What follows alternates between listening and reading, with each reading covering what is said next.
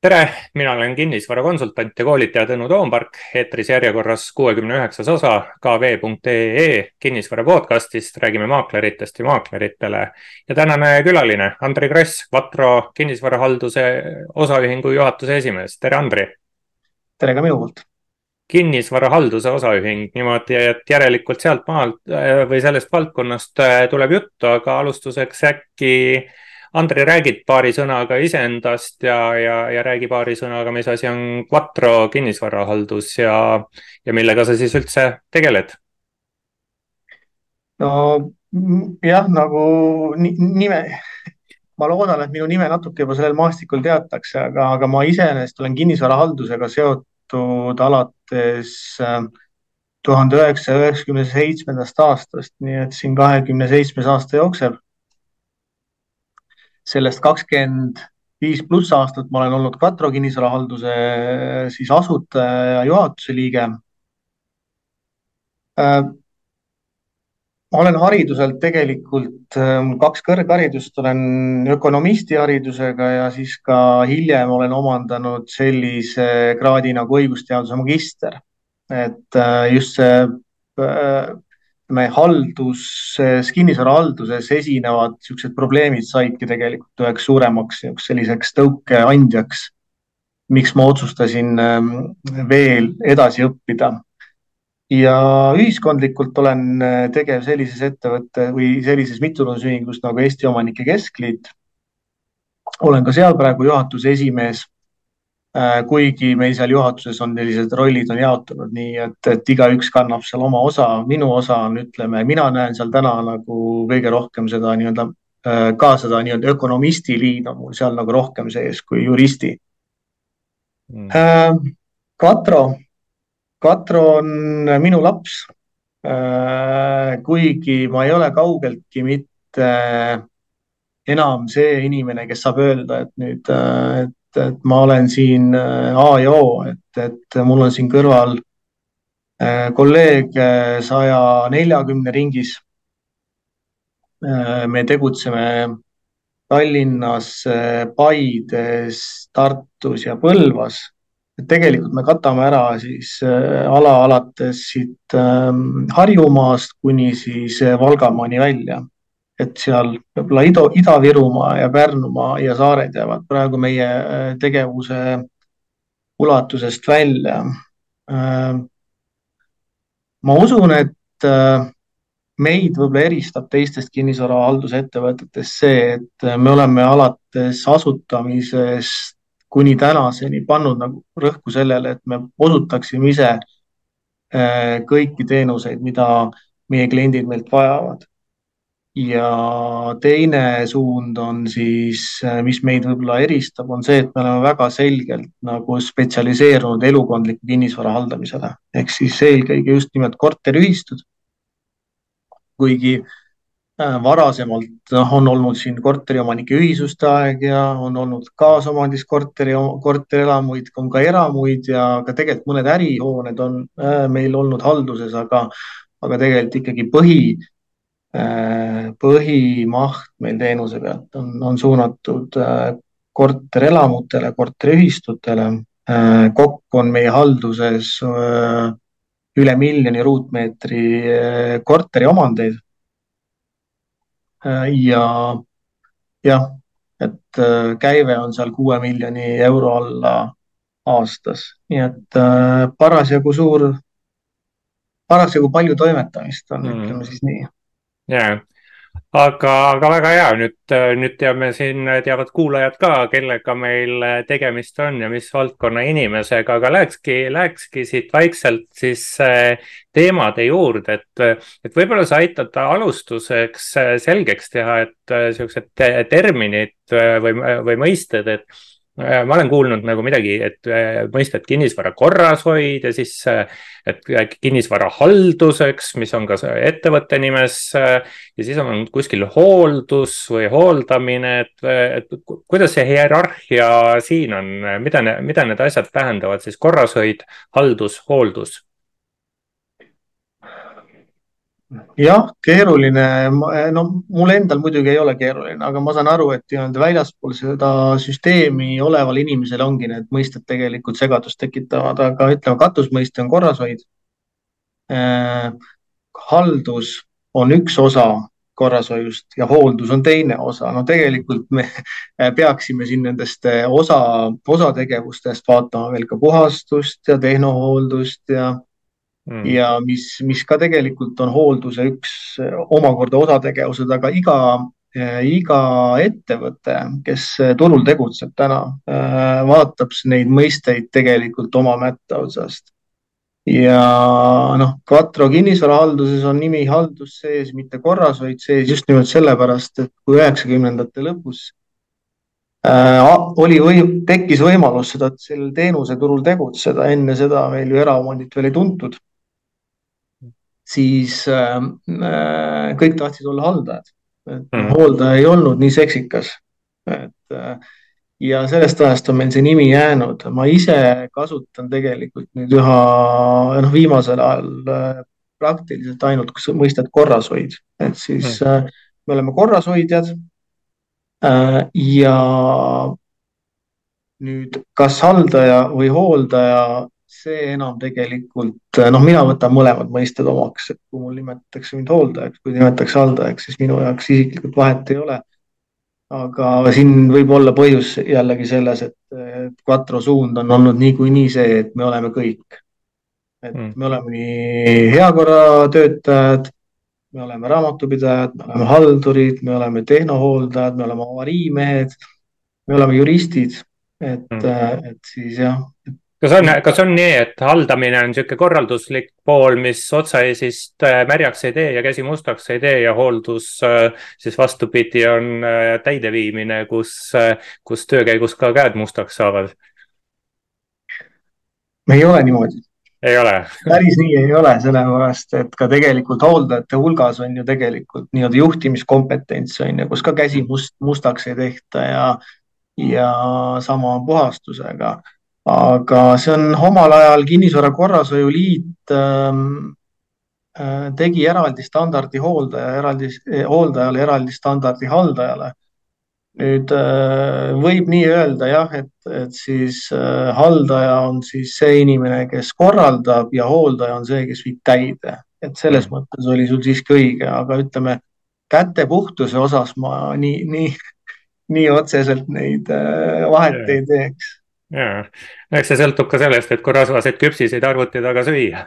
aga no lähme, liigume siit edasi, et, et sa siin rääkisid ka natuke äh, Quattro kinnisvarahaldusest ja käibest, aga üldse, et äh, kes, kes on suuremad ettevõtted, kes selles äh, valdkonnas tegutsevad, muuhulgas siis Quattroga konkureerivad, kui, kui killustunud korrashoiuturg üldse on või, või kui siis, kuidas öelda, kompaktne ja tegelikult on ikkagi korrashoiu turul, turul on ikkagi seis ikkagi ülisegane, et, et noh, kui mina isi, ise isiklikult eh, noh, mingit korda seal loon enda peas, siis mm. ma tegelikult loon, tekitan nagu kolm eh, sektorit, et on olemas nii-öelda elu, eluasemesektor, kus siis tegutseb Quattro, siis on ärisektor ja siis on veel avalikule sektorile teenust osutavad ettevõtted Mm -hmm. et noh, siin on need riigihanked ja, ja riigi kinnisvara on väga suur hankija selles sektoris mm. -hmm. et äh, ja nüüd äh, noh, käibe mõttes, noh, siin suuremad kinnisvara korrashoiuteenust, kes siis nii-öelda äh, kõigi kolme peale kokku siin osutavad, noh, need ikkagi on väga suured ettevõtted, et siin töötajate arvuga üle tuhande ja, ja käibega siin üle kolmekümne miljoni et mm. Soll tuleb mul siin kohe meelde, siis on kindlasti äh,, kindlasti on siin ka no, minu, minu vana, vanast ajast Stel täpselt jah, Stel ja. on ju noh, nüüd äh, viimasel ajal tundub, et siin äh, Forus soovib äh, midagi teha äh, ja ka on kinnisvarateenindus on selline mm. ettevõte. aga ütleme, meie valdkonnas käivet tehakse valdavalt ikkagi nii, et et äh, avaliku sektori hangete kaudu, et, et kui sul, kui sa tahad olla nii-öelda suure käibe ja suure töötajate arvuga, siis sa pead paratamatult pakkuma avalikule sektorile teenust. mm. avalik sektor kinnisvaras, ilmselt sa tead kõige paremini kui mina, et mis on avaliku sektori osakaal, on ju, et siis kujutad juba ise ette, on ju, et kui, kui palju, kui suure osakaalu tegelikult ja kui oluline on meie valdkonnas avalik sektor mm.. ja siis, äh, ja siis tuleb peale neid nii-öelda äh, avalikule sektorile pakkuvaid ettevõtteid tuleb väga-väga killustunud turg, et kust võib-olla eristuvadki Quattro kõrval veel neli-viis ettevõtet ähm,. tahad sa nimesid ka öelda? no Arcadia kinnisvara, City haldus, Olemar mm., Tartu kinnisvarahaldus, Võru kinnisvara. Nad on sellised või me kõik oleme sellised Ähm, ütleme ühest küljest väga kitsale turuosale spetsialiseerunud ja ka teatud mõttes noh, monopoolses seisus. võib-olla monopol ei ole päris selles mõttes õige sõna, aga, aga, aga kuna kinnisvara korrashoid eeldab teatud mahu olemasolu, et sa üldse saaksid teenust pakkuda. Et siis selleks, et nii-öelda üldse olla võimeline teenust pakkuma, sul peab olema teatud maht all ja mm., ja kui sul seda ei ole, siis sind ei ole selle turu jaoks olemas mm.. et, et mm., et, et sul võivad olla kompetentsid, sul võivad olla head inimesed, aga, aga lihtsalt nii-öelda turule pääsemine eeldab teatud äh, kriitilist massi kliente mm.. anna, anna nüüd sihuke obstseönne võrdlus mulle andeks, aga, aga kas noh, et elamispindade siis korrashoid, see on nagu majavalitsus, eks, aga kas see nõukogudeaegne majavalitsus, sihuke mingi mõju ka veel täna, kus me oleme ikkagi eh, kolmkümmend aastat ja kauemgi veel iseseisvad, eh, taasiseseisvad olnud, kas, kas mingi majavalitsuste vibe ka kuskil veel on? see tuleb tagasi ah, et ma ei taha väga hirmutada nüüd, aga, aga tegelikult teatud mõttes on ta esiteks, ma tahaks öelda, et noh, ma isiklikult ei tunne ennast puudutatuna sellest majavalitsuse mõistest või terminist. Äh, ja ma arvan, et see majavalitsus nii-öelda on suhteliselt täpne äh, nimetus sellele, no tegelikult, mida võib-olla need kinnisvara korrashoiu ettevõtted, kes on just nimelt selle nii-öelda haldajakesksed mm. ka just nimelt äh, pakuvad või peaksid pakkuma ideaalis, sest äh. Kui me räägime korteriühistutest, siis me tegelikult ju räägime mingi äh, organisatsioonist, organisatoorsest ülesehitusest, hierarhiast on ju, noh, mida tuleb valitseda.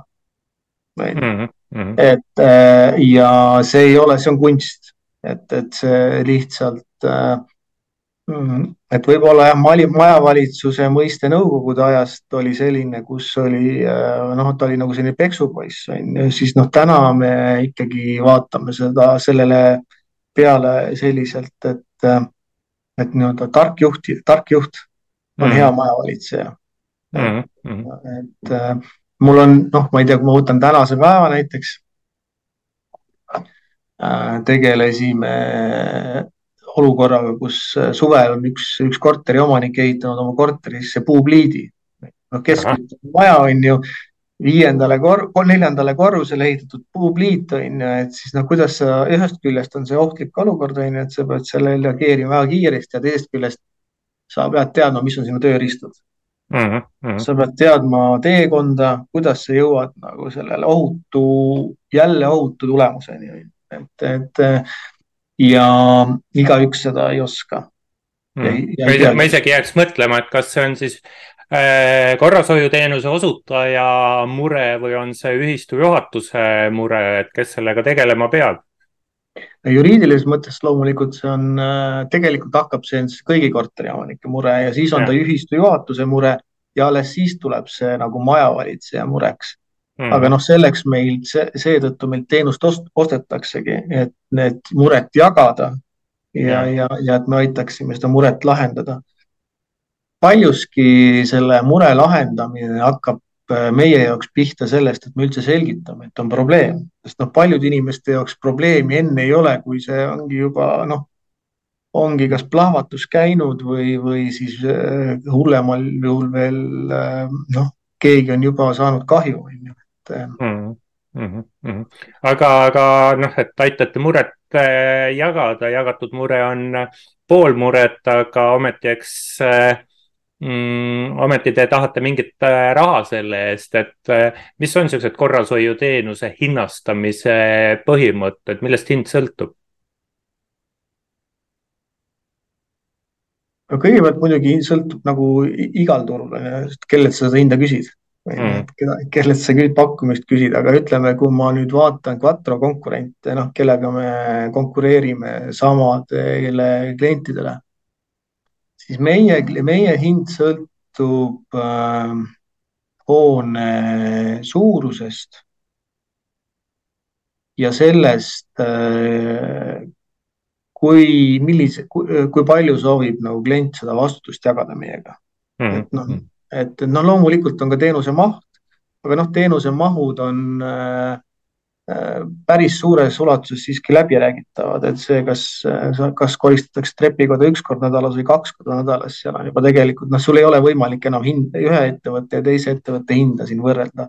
et mm. kõige suuremad nii-öelda võrdsete pakkujate võrdluse puhul nagu jah, et meie lähtume siin hoone, hoone suurusest mm. -hmm. mida väiksem hoone, seda suurem hind ruutmeetri kohta mm -hmm. on nagu see, see seos ja kus see, kus see piir on, et, et ma just äh, siin nädalavahetusel rääkisin ühe kinnisvaramaakleriga ja, ja noh, ta tõi siukse näite, et kümne korteriga maja Tallinnas, kus ikkagi on äh, koristamise graafik on seina peal, sest Äh, sest ongi korrashoiuteenuse tellimine läheb kümne korteriga maja jaoks äh, liiga kalliks, et äh, on sul mingi tunnetuslik piir, milline maja võiks kas siis Quattro või, või mõne teise korrashoiuteenuse pakkuja poole pöörduda, et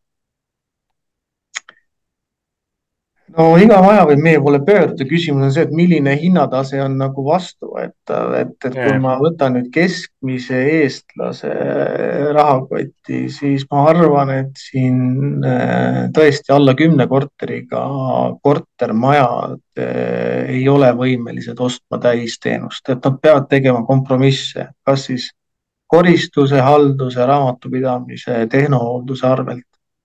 Mm -hmm. et äh, ütleme, selline heas seisus on kortermajad alates kahest kort-, kahekümnest korterist. Okay.. et Eestis on keskmine korter on seal nelikümmend viis ruutmeetrit, noh siis ütleme üheksasaja ruuduse elamispinnaga kortermajad on juba sellised äh, okei okay olukorras jah. Et need saavad siis niisugust äh, adekvaatset hinda, mis võiks olla nii pakkuja kui äh, ostja poole pealt äh, mõistlik äh,, niisugune kakskümmend korterit, ütleme jah, ma isegi nimetaksin seda mitte niivõrd mõistlikuks hinnaks, kuivõrd sellist, nad saavad endale lubada mugavat elu. et kõik tehakse ette-taha ära, onju. et noh, mida väiksem maja sealt, seda rohkem tuleb äh, ka ise käed mustaks teha. Mm.. jah, et eks, jah, et eks ma mõtlengi, et kui on kümne korteriga luksuselamu, siis võib-olla nende korterite omanikud on valmis ka mõnevõrra kõrgemat hinda maksma, aga kui on äh, maja, kus, kus elavad inimesed, kes võib-olla, kelle sissetulek jääb keskmise, keskmisest allapoole, et siis, siis jah, tuleb käed ise külge panna. okei okay., aga, aga kui me nüüd mõtlekski sellise kolmnurga peale, et ühistu ja korrashoidja omanik ehk siis noh, korrashoidja, ühistu ja omanik, korteriomanik, et mis, mis sellises äh, äh, tiimis siis siuksed suuremad probleemid või, või rõõmud on, mis siis ette tulevad, kui vahest on, eks, liit ehitatud keskküttega ma ei. aga mis on tüüpilised võib-olla siuksed pigem siis murekohad? no tegelikult ähm, kui rääkida nagu sellisest nii-öelda läbivast murest, siis on see, et, et äh, iga hoone kasutades kaotab äh, kvaliteedis mm. -hmm on ju, ehk siis sa pead tabama ära selle momendi, kus tuleb nagu teha üks jälle kvalitatiivne hüpe ja saada omanikelt äh, vajalik investeeringuks vajalik raha. noh, ja seda, siin tuleb nagu olla nagu sihuke hea ettemõtleja ja, ja hea selgitaja on ju, et, et kui tulla viimasel hetkel välja, et kuulge, teie gaasikatlamajja on nii-öelda läbi, enam järgmisel kütteperioodil ei tööta, siis on tegelikult juba hilja mm,. Mm. et, et selline ütleme jah, et selline meie põhitöö on nagu mõelda noh, viis aastat minimaalselt ette ja siis valmistada klienti ette ja nüüd kliendi poolt vaadates siin vastu on see kahtlus, et, et kas me ikka vaatame õieti, et, et kas me ei pinguta üle ja ehk siis noh, tegelikult nii-öelda ütleme li, lihtsustatult öeldes küsimus on usalduses mm.. et, et, et kui, mida nõrgem on see usaldus, seda keerulisem on tööd teha. mida parem on see usaldussuhe, seda, seda lihtsam. Mm.. et ja, ja, ja tegelikult põhimõtteliselt ütlesingi kogu, kogu äh, selle nii-öelda ongi väljakutse on see, et kuidas teenuda välja usaldus. et äh, olukorras, kus meil, me, me tegelikult räägime asjast, mis ei ole veel toimunud. Mm.. Aga kust ma tean, keda ma usaldada võin äh, teenuse tellijana, kui ma oleks näiteks korteri kas omanik Äh, või olen korteriühistu juhatuse liige, eks äh, kas äh, noh, kas ma, kas ma olen see, kes annab juhatusele volituse mingi leping sõlmida või ma olen kogunisti see, kes peab lepingule juhatuse liikmena allkirja andma, et kust, kust ma tean, et nüüd see konkreetne korrashoiuettevõte vaatab õigeid asju, et alati on mingid mugavusteenused ka, mille noh, millele saab äh, keskenduda, et midagi justkui kogu aeg tehakse, aga teisalt ikkagi noh, et hoone amortiseerub ja, ja gaasikatlaga tegelemine unustatakse ära.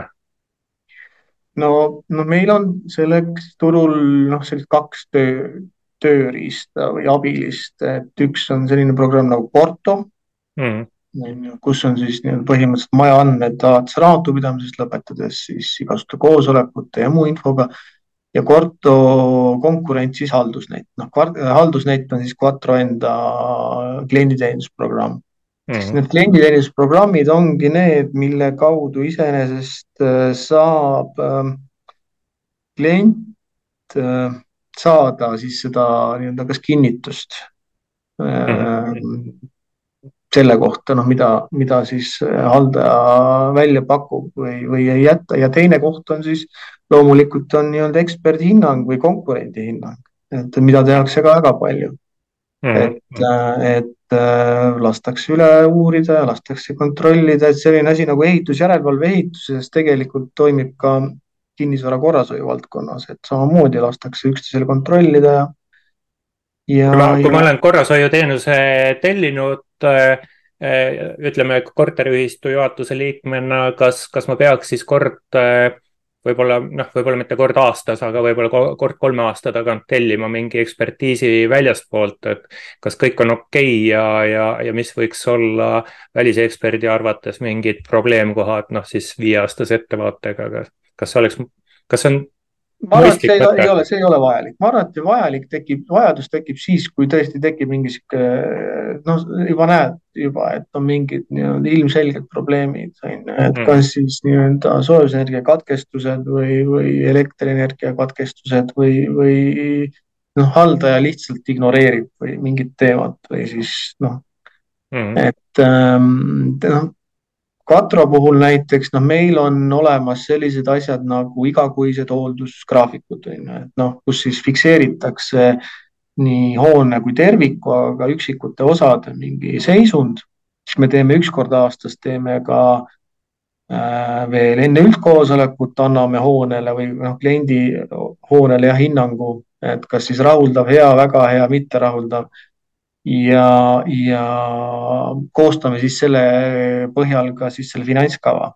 Mm.. et äh, ja noh, tegelikult see on nüüd see koht, kus jah, et iga omanik peaks tegelikult vaatama jah, et kas ma usun seda äh, või ma ei usu, et ja mm. kui ei usu, no siis aga mm. ma arvan, et sellist nii-öelda panna mingit sihukest intervalli ei ole, ei ole otsest vajadust no selle uskumisega võib olla jah, et Kaja Kallas võib palju rääkida, aga kui Vilja Kiisler ei usu, usu, siis ta, siis ta ei usu, et mõne, mõned ei usugi kunagi, tahtmata nüüd siin õigustada üht või teist selles vestluses, aga see selleks, et aga kas ma, kas ma olen õigel teel, et vaata, sa tõid, eks, et mingid hooldusgraafikud ja teemad et uud, et uued majad, et sageli inimesed kolivad uude majja selle äh, ootuse või eeldusega, et uues majas selline jooksev elamise kulu, korrashoiukulu on madalam, aga siis endale üllatuseks näevad, et hoopis kõrgemaks läheb. ehk uues majas ongi rohkem seadmeid, mida tuleb äh, korras hoida, et siis noh, kasvõi nende mingid garantiid äh, säiliks, et kas ma olen õigel teel või, või teeb midagi muud uue maja korrashoiuteenuse kallimaks no ma ütleks siiski nii ja naa, et ma arvan nii, et uue maja teenuse teeb kallimaks pigem niisugune subjektiivne asjaolu nagu hoone suurus mm. -hmm. et kui ma vaatan tänaste arendajate nagu sellist, noh, ilmselt ongi, nad ei soovi väga suuri riske võtta või siis linna arendajad, linnaplaneerijad ei luba ehitada väga suuri ehitisi mm. -hmm. noh, siis, siis selliseid suuri Äh, hoonete komplekse, kus on siin sada viiskümmend ja kakssada korterit, noh, lihtsalt enam uutesse arendustesse ei teki, aga kuna see teenus on väga selgelt seotud selle mahuga mm, -hmm. et siis äh, tegelikult kolitakse väiksemasse majja ja juba mahu pealt hakatakse maksma rohkem. et see on üks pool, teine pool on see, et, äh, et noh, jällegi, jällegi ütleme subjektiivselt on hinnates on, mida suurem maja, seda kergem on leida sealt inimesi, kes on nõus ühiskondlikus korras panustama mm. -hmm. ja samuti, mida uuem maja, seda mugavamad on omanikud. et noh mm, -hmm. seda rohkem nad soovivad osta, et noh, kõik need kolm asja, maht, mugavus ja selline ühiskondlik panustamine mõjutavad äh, just nimelt uute majade hinnataset äh, äh oluliselt mm. -hmm ja, et ma mõtlen ka seda, eks, et mingi pätsuaegse hoone seadmeid ikkagi, et see polegi mingeid seadmeid äh, peale võib-olla siis mingi gaasi, gaasikatla kuskil või, või kui, kui sedagi on, eks, ja, ja mingid liftid ja need niisugused asjad tulevad juurde, et et aga ütleme, et uus viiekümne korteriga maja või viiekümne korteriga nõukogudeaegne paneelmaja, et kus, kus oleks hind odavam tarbijana? mis, mis no arvad? kahtlemata paneelmaja on odavam, et hoolimata kõikidest sellest energia, energiakuludest, mis on tõesti keskmiselt suuremad mm, -hmm. on siiski täna nõukogudeaegses paneelmajas reeglina odavam elada jah, et äh, et siis tule, et tegelikult võikski öelda, et uue maja jälle sisekliima, et kõiksugu ventilatsioonide tõttu ja, ja tõepoolest mugavuse tõttu on, on paremad et see, et parem kvaliteet, selle eest tuleb ikkagi rohkem ka maksta. nii on jah, nii on. nõndaks, aga, aga vahest ma olen ähm, näinud seda, et kinnisvaraarendajad teevad ise oma haldusettevõtted või, või korrashoiuettevõtted. mis sa arvad, et kas see on korteriostjatele pigem äh, taak äh, kaelas või on see midagi väga positiivset, mille üle saaks äh, rõõmu tunda? mis sa arvad?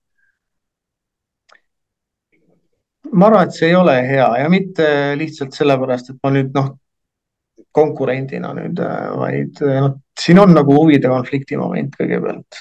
on ju, et noh, mm. kinnisvaraarendaja ju teatavasti no viis aastat äh, minimaalselt, maksimaalselt ka kümme aastat on ju vastutav veel selle eest, mida ta siin, äh, mida ta müüb.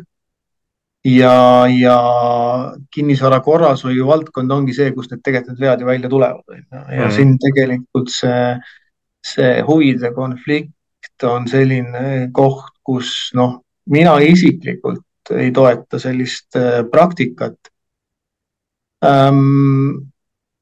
samas on ju noh, meil vaba riik on ju ja, ja, ja kui nii on otsustatud, siis nii on otsustatud. lõppkokkuvõttes arendaja ju kontrollib seda otsust ainult sinnamaani, kuni ta korterit maha müüb, et noh, kui mm. ostjatel on piisavalt selgroogu, siis nad vahetavad selle arendaja haldusfirma üsna kiiresti ja nii on tegelikult valdavalt ka toimunud.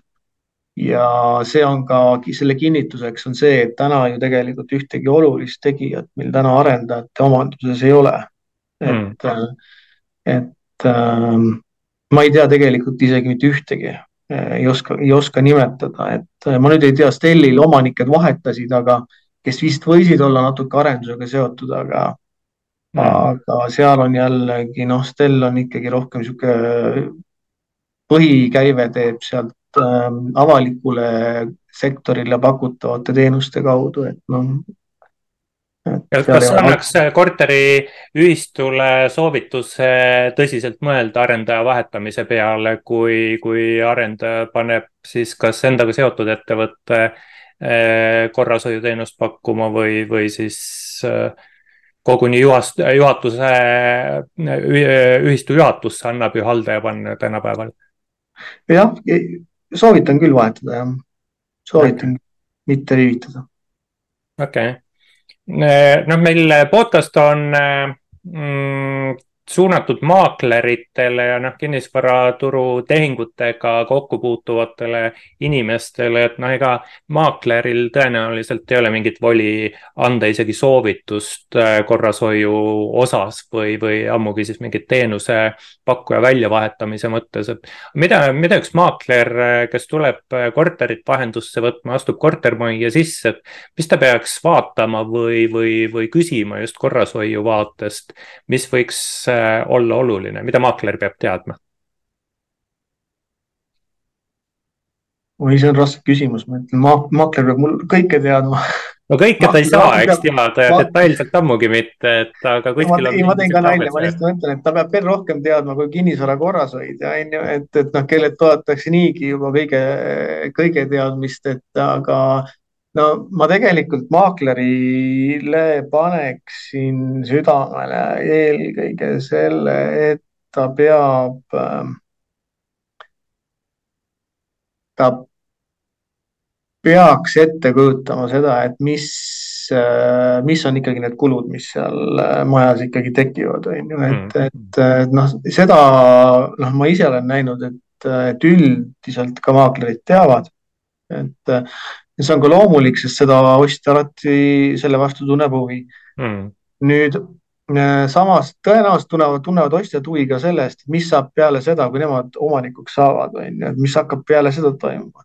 et noh, seda maakler justkui ei, ei, ei saaks teada, et noh, ta ei ole siin äh, tulevikku, ta ei näe tulevikku, aga ta ei saa välistada, et noh, mõningatel juhtudel siiski müüja soovib mingil viisil ennast nagu tulevikuks kindlustada või siduda selle mm. hoonega. no näiteks siin ei pruugi olla isegi võib-olla endaga seotud siin halduslepingut, aga noh, noh, ta võib jätta osad korterid enda kätte mm.. näiteks on ju mm.. Äh, samuti ta võib soovida kehtestada enne müüki põhikirja ühistule mm on ju, et. sa räägid nüüd, eks arendaja võib, äh, arendavatest jah? ütleme jah, ütleme, et või siis teiste korterite omanik siis on ju, et noh, et, et, et noh, mul on siin, meil on siin halduses selliseid juhtumeid, kus äh, kortermajas on seitsekümmend viis korterit ja, ja enamus hääled on siis kahel korteriomanikul mm.. tänu sellele, et nad äh, siis, kui veel need seitsekümmend kolm korteriomanikku ei olnud veel ostnud, tegid põhikirja kus siis sätestati, et hääled jagunevad ruutmeetrite järgi okay.. et siin on sellised nii-öelda noh, nüansid, mida üldiselt äh, ostja ei oska tähele panna, aga maakler võiks teada, et, et kas mm. on põhikiri selleks hetkeks ja kas on äh,, mis plaanib teha, kas kõik korterid lähevad müüki mm. -hmm. noh, need on kaks asja. ja, et ja, ja põhikirjas peaks siis vaatama hääleõiguse jagunemist äh, maakler oleks äh, jah, aga kui on, et kui on nii-öelda toimiv maja, noh, miks mitte mingi kas nõukogudeaegne maja või, või maja, mis on kümme-viisteist aastat tagasi valmis äh, äh saanud, et okei okay,, et peaks ka vaatama, et äh, põhikirja ja äh, kuidas hääled jagunevad äh,. on seal, on seal veel midagi mis. tegelikult on äh, kaks asja, mille pärast põhikirju tehakse nii-öelda, üks on häälte jagunemine, teine on kulude jagamine, mõlemad on üliolulised, on ju. Mhm. et, äh, et siis tegelikult jah, et iga maakler, sõltumata sellest, kas on uus või olemasolev äh, kortermaja, ütleme uus või ütleme mitmes, mitmes ring öö, omanikke peaks vaatama igal juhul põhikirja. et, et mm. kusjuures igal kortermajal ju tänapäeval ei peagi põhikiri olema. et mm et, et seda äriregistri kaudu on iseenesest väga kerge välja selgitada, kas põhikiri on või ei ole. ja juurdepääs sealtkaudu on ka kõikidele põhikirjadele vaba, eks ei pea maksma riigilõivu ega midagi mm. -hmm. ja, ja ma mõtlen ka niimoodi, et võib-olla eks keegi omanik müüb oma korterit maha ilma välja ütlemata põhjust, et ühistu otsustas, et võtab poole aasta pärast näiteks mingi laenu kaela. et siuksed otsused võib-olla võiks olla, mis maakler selgeks teeb, et kas on mingeid ette planeeritud äh, ja, ja siiski teadaolevaid tulevikukulusid olulisi jah, tegelikult noh, siin sa juba lähed juba sellisele juba peen, peen, peenele tasemele, et noh, kus tegelikult on pigem juba juristi tase või advokaadi tase, et mm. noh, seadusandja iseenesest on teinud ostjale, on püüdnud nagu teha ostja tehingu nagu võimalikult riskivabaks. no kõigepealt juba sellega, et, et notari kaudu saab on ju ostu müüa, notar peab ise kontrollima ja veenduma, et see tehing on õiglane. aga siin on veel teine moment ongi see, et kõik ühistu enda olulised andmed on läbi B-kaardi avalikud, et lisaks sellele põhikirjale näeb ka seda, kas ühistul on suuri laenukohustusi ja suurte laenukohustustena lähevad arve juba ka sellised, kus on äh, laenu suurus ületab ühe aasta majanduskulusid. et juba mm -hmm. üsna, üsna väiksed numbrid tuleb tegelikult B-kaardile juba ära registreerida ühistutel mm. -hmm. ja, ja kui seda tehtud ei ole, noh, siis on juhatuse vastutus mm. -hmm.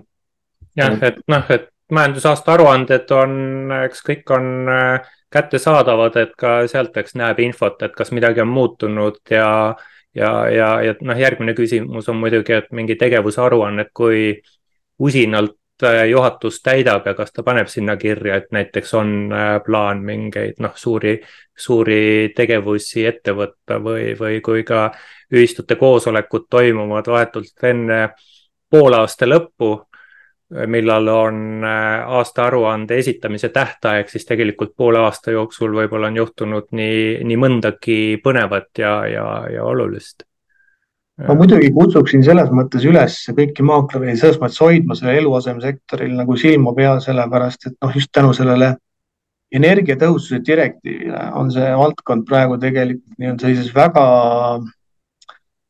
ettearvamatu protsessi lävel, et, et sest noh, siin see, siin me eelmisel nädalal lugesin, et siin juba äh, Suurbritannias juba ähvardatakse vangi panna siin omanikke, kellel ei ole seal õiget energiamärgist või kulutavad liiga palju, aga, aga meil on tegelikult veel siin nagu mängus see, et äh, kui sa ostad äh, korteri omandi väljapoole sellist nii-öelda tõmbekeskust, noh mm., siis tegelikult sa võid saada mitte nii-öelda väärtust, vaid, vaid kahju selle tulemusena, sest äh, noh, et siin noh, vähemalt niimoodi tänaste protsesside jätkudes on, on, on siin tegelikult väga suured ohud püsti seal, kus korteriomandi väärtus on madalam kui ehitusväärtus mm. -hmm. et, et sest noh, lihtsalt nõue tuleb, aga noh, raha tuleb ikkagi sellest motivatsioonist, et sul on vara, mida,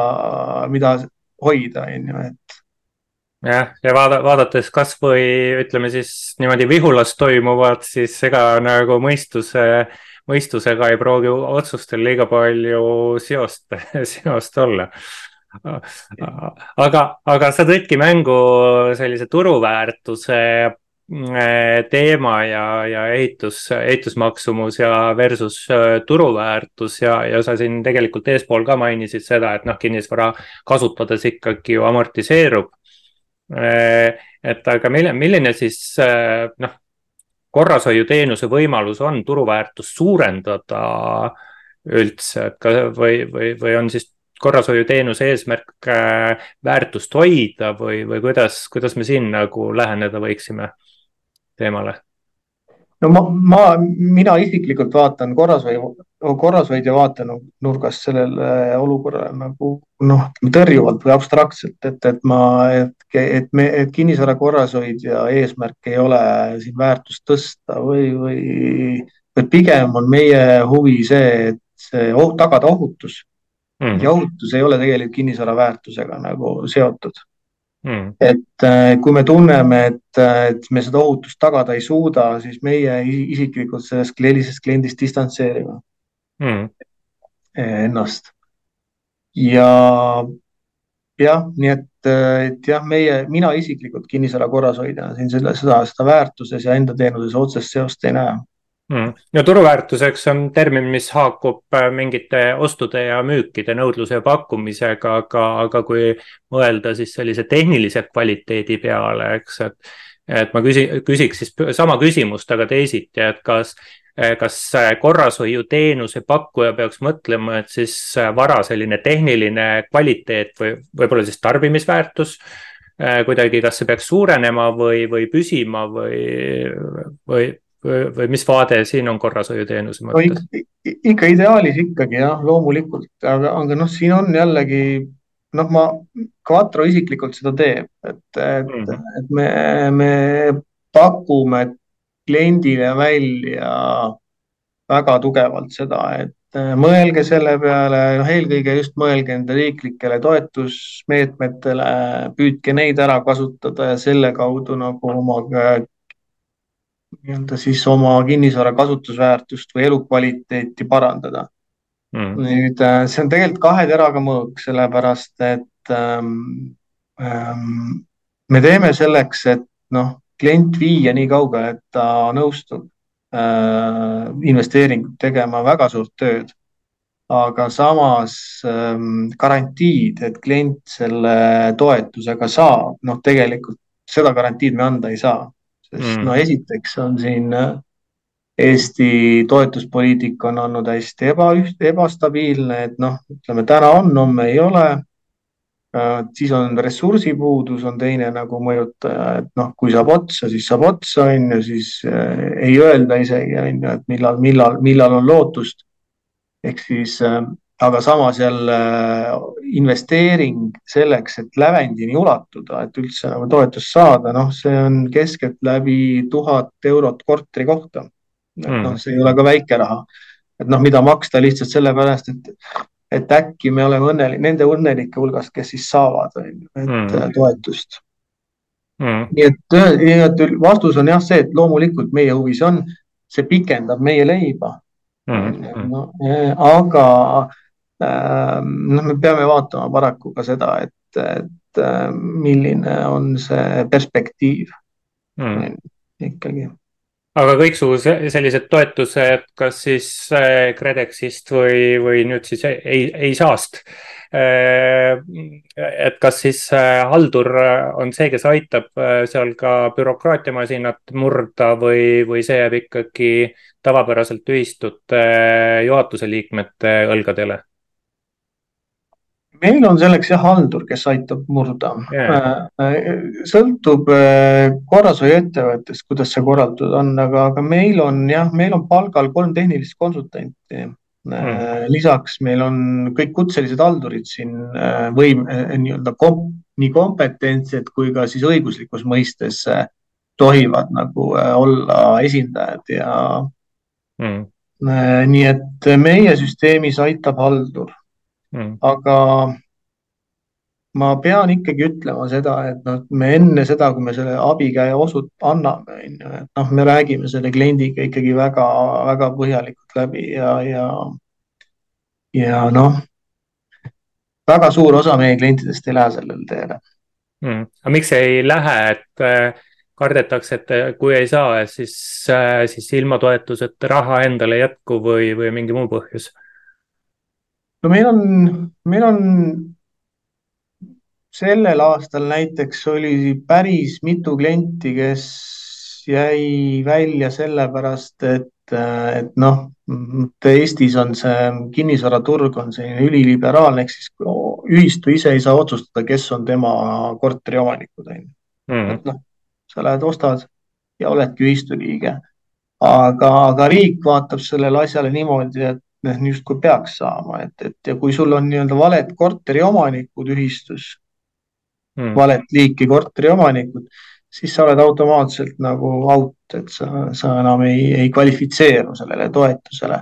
kes on no, vale, vale liik, et on siin rahvusnaha värv, juriidiline staatus? juriidiline staatus, et. ehk siis juriidiliselt isikud, jah? jah, juriidilised isikud, et noh, nemad on nagu siis riigi vaatepunktist nagu siis nagu arendajad või noh, nii-öelda need kasu, nii-öelda, kes ei tohiks nagu toetust saada mm. -hmm. ja siis välistades juriidilised isikud, noh, nad ei, riik ei ole leidnud muud viisi, kui välistada kõik mm. -hmm. et äh, kõik selle kortermaja korteriomanikud, et noh, osad lähevad nende pärast välja, siis on äh, jällegi needsamad, nagu ma ütlesin, et alla kahekümne korteriga läheb teenus juba väga kalliks, on ju, et noh, mhm. on väga väiksed kortermajad, nemad noh, ei taha öelda, et, et on nagu leppinud sellega, et nad, et see hoone lakkab peagi olemast, on ju, et noh, teevadki oma kalkulatsiooni selle järgi, on ju, et noh, me kasutame nii kaua, kuni saame kasutada ja siis, siis lõpp, siis lakkab siis hoone olemast. Ja, ja siis on noh, muidugi veel need, kes on siis nii-öelda noh, nii ju, et noh, vaatame, mis saab ja püüame veel elada ja mm.. Need on põhiliselt sellised, kus on siis omanikkond on selline väga noh, ütleme väga suures spektris, et on nii pensionäri noore, noori, keskealisi, töötavaid, mittetöötavaid. Mm.. et äh, jah et kas võiks, võiks arvata nagu niimoodi, et selline hoone parendamine, kvaliteedi tõstmine, et ta ikkagi enamasti, kui ta millegi taha jääb, siis on, ongi mingi konsensuse leidmine ja konsensuse leidmine jääb selle taha, et äh, mingil seltskonnal ei ole kindlust, et kas neil on nii palju äh, raha, kui, kui vaja on, et ikkagi raha, raha teema on see peamine probleem otsuste vastuvõtmisel, mis puudutavad äh, hoone kvaliteedi parandamist? ma arvan, et kindlustunne on, paneksin sealt ettepoole ah,, et okay., et see, mida sina nimetad, sina nimetad, on kindlasti õige, aga see kindlustunde puudumine, et noh, kui me nüüd, mina olen üle kahekümne viie aasta selles sektoris töötanud, on ju, et noh, selle aja jooksul võiks, võiks ju eeldada, et on välja kujunenud mingi kindel praktika mm. Toetuste andmisel, on ju, aga ei ole mm.. Mm. muudame seda iga aasta. ma arvan, et sama Ida-Virumaa näide, noh, mille, mida üritatakse noh, kõikvõimalike meetoditega nagu saada renoveerima ja ikka mitte midagi ei tule, on parim näide sellest, et noh, et, et seal on see usaldus riigi vastu juba nii-öelda loomulikult madalam keskmisest madalam on ju, ja kui sa siis ka ütled, et noh, sel aastal teeme seitsekümmend protsenti sulle toetust ja järgmisel aastal kuuskümmend ja siis vaatame jälle kaheksakümmend, et noh, siis see jätab sinust noh, kui ebakindlast või ebausaldusväärsest partnerist nagu mm. mulje on ju. ja, ja kahjuks äh, sellisena riik äh, keskmisele korteriomanikule ka välja paistab mm.. ja olen kuulnud siin, et Rumeenias või oli see Bulgaarias Äh, on paku-, pakutud seal ühistutele toetusi ka üheksakümmend, üheksakümmend viis protsenti, ikkagi toetuste nõudlus on tagasihoidlik, et toetust on siis ka pakkunud mingi KredExi laadne äh, kohalik organisatsioon. aga. ma võin, ma võin sulle öelda, et noh, tegelikult ma olen ka, ma olen lätlastega rääkinud ja, ja, ja, ja nemad ka tegelikult kiidavad jubedalt Eestit, kuidas teil ikka Eestis on nii tore ja et nii kihvt, et teil on see KredEx ja, ja nii edasi ja siis äh, Äh, kui ma räägin, et, et noh, et ega tegelikult meil on ka neid probleeme, millega siin maadelda küll ja küll, on ju, siis nad ütlevad, et, et teil on, meil on siin Lätis palju hullem, et, et ja tegelikult noh, ma peangi tegelikult kiitma tegelikult Eesti neid korrashoidjaid ja korteristu esimehi, et noh, et see, mis täna tegelikult on Eestis ära tehtud, on super. võib-olla isegi üle ootuste, aga ma arvan, et täna ei ole enam meil vaja müüa renoveerimist, vaid meil on vaja seda nii-öelda seda stabiilsust ja, ja ebavõrdsuse tasandamist, et noh, see, mm. need peaksid olema täiesti nagu noh, see, mis, mis noh, see järgmine samm, milleni, millest lätlased veel või rumeenlased ei oska veel unistadagi, aga me mm. oleme selle juba läbinud mis asi on ebavõrdsuse tasandamine, mida sa selle all silmas pead, piirkondlikult või hoonesiseselt midagi või no,? meil on nii, et eh, noh, kui sa küsisid, et kas Quattro haldurid aitavad näiteks seda renoveerida ja, ja mm., ja kvaliteeti parandada ja mina vastasin sulle jah. et siis äh, ma eelnevalt ütlesin, et noh, Quattro tegutseb Harjumaal, Järvamaal, Põlvamaal, Tartumaal põhimõtteliselt mm. väga aktiivselt, on ju siis, siis täpselt nii ongi, et noh, et väga suur osa riiklikest toetustest on tulnud Quattro kaudu meie Quattro omanikele mm, -hmm. Quattro klientidele. aga Viljandimaa, Valgamaa, Saaremaa, Ida-Virumaa, on ju, me teame, et Lääne-Virumaal, Rakveres on seisud väga head, on ju aga seal, seal on võib-olla ka persoonidest tulenevad põhjused, kes on väga tublisti asju ajanud. just, täpselt nii ongi, et, et see, et Eestis nii-öelda väljapoole paistab see asi nii hästi, on tegelikult rohkem kinni persoonides kui poliitikas mm. -hmm. aga nüüd on nii, et noh, et selles mõttes, persoonide mõttes on see olukord ammendunud, et noh, me peame tegelikult seda poliitika kvaliteeti hakkama, ka nüüd nagu tõstma, et mm. -hmm. ja mingit arenguhüpet on vaja absoluutselt. jah, aga sa tõid siin, ähm, tõid siin äh, hoones äh, ebameeldivad omanikud äh, mängu et aga kui ma küsiks, küsiks sult niimoodi, et noh, ma mõtlen, et noh, meil siin finantsvabadus ja, ja kogu investeerimine ja kogu sihuke teema on väga kuum olnud, eks. praegu ta jahtub tulenevalt intressimäärast ja majanduskeskkonnast, aga see selleks, et võib-olla investor on keskmisest natuke nutikam, natuke ettevõtlikum Äh, teeb oma osaühingu, ostab korteri investeeringuks ja äh, pauhti on ta korteriühistu liige. kas, äh, kas korrashoiu vaatest on hea, kui hoones on selliseid professionaalseid omanikke või on see probleemide allikas, kuidas sina näed? mina näen selles pigem positiivset, et, et kui on selles mõttes sihuke teadlik omanik, sõltumata sellest, kas ta siis kasutab enda tarbeks või üürib välja, on igal juhul äh,, äh, igal juhul väärtus hoone jaoks, et mm.. kas, kas siin seda teemat ei ole, et näiteks üür, üürile andjad ehk siis üürikorterite omanikud proovivad just siis ühistu tehtavaid investeeringuid kuidagi alla viia, et siis oma kulusid madalamana hoida, et kas sa oled niisuguse teemaga kokku puutunud? ei ole, et äh, ma ei tea ühtegi sellist juhtumit ausalt öeldes, kus, äh, kus noh, reeglina on nendel juriidilised isikud ka ju, et, et, et, et kus juriidilise isiku tõttu oleks jäänud mingi suurem investeerimisotsus tegemata, et pigem pigem on vastupidi, just nemad on need, kes on nagu rohkem nagu ettemõtlevad ja, ja perspektiivitundega, et mm., et ähm, jah mm., ei, ma ütlen ainult, ainult minu arvates korteriomandi instituut selles mõttes, et noh, ta võimaldab äh, saada omanikuks nii paljudel erinevatel isikutel, on, on äh, iseenesest hästi positiivne, et, et äh, et jagatud ressurss, jagatud kasum, jagatud, kõik on nagu jagatud, kulud on jagatud, on ju, et, mm.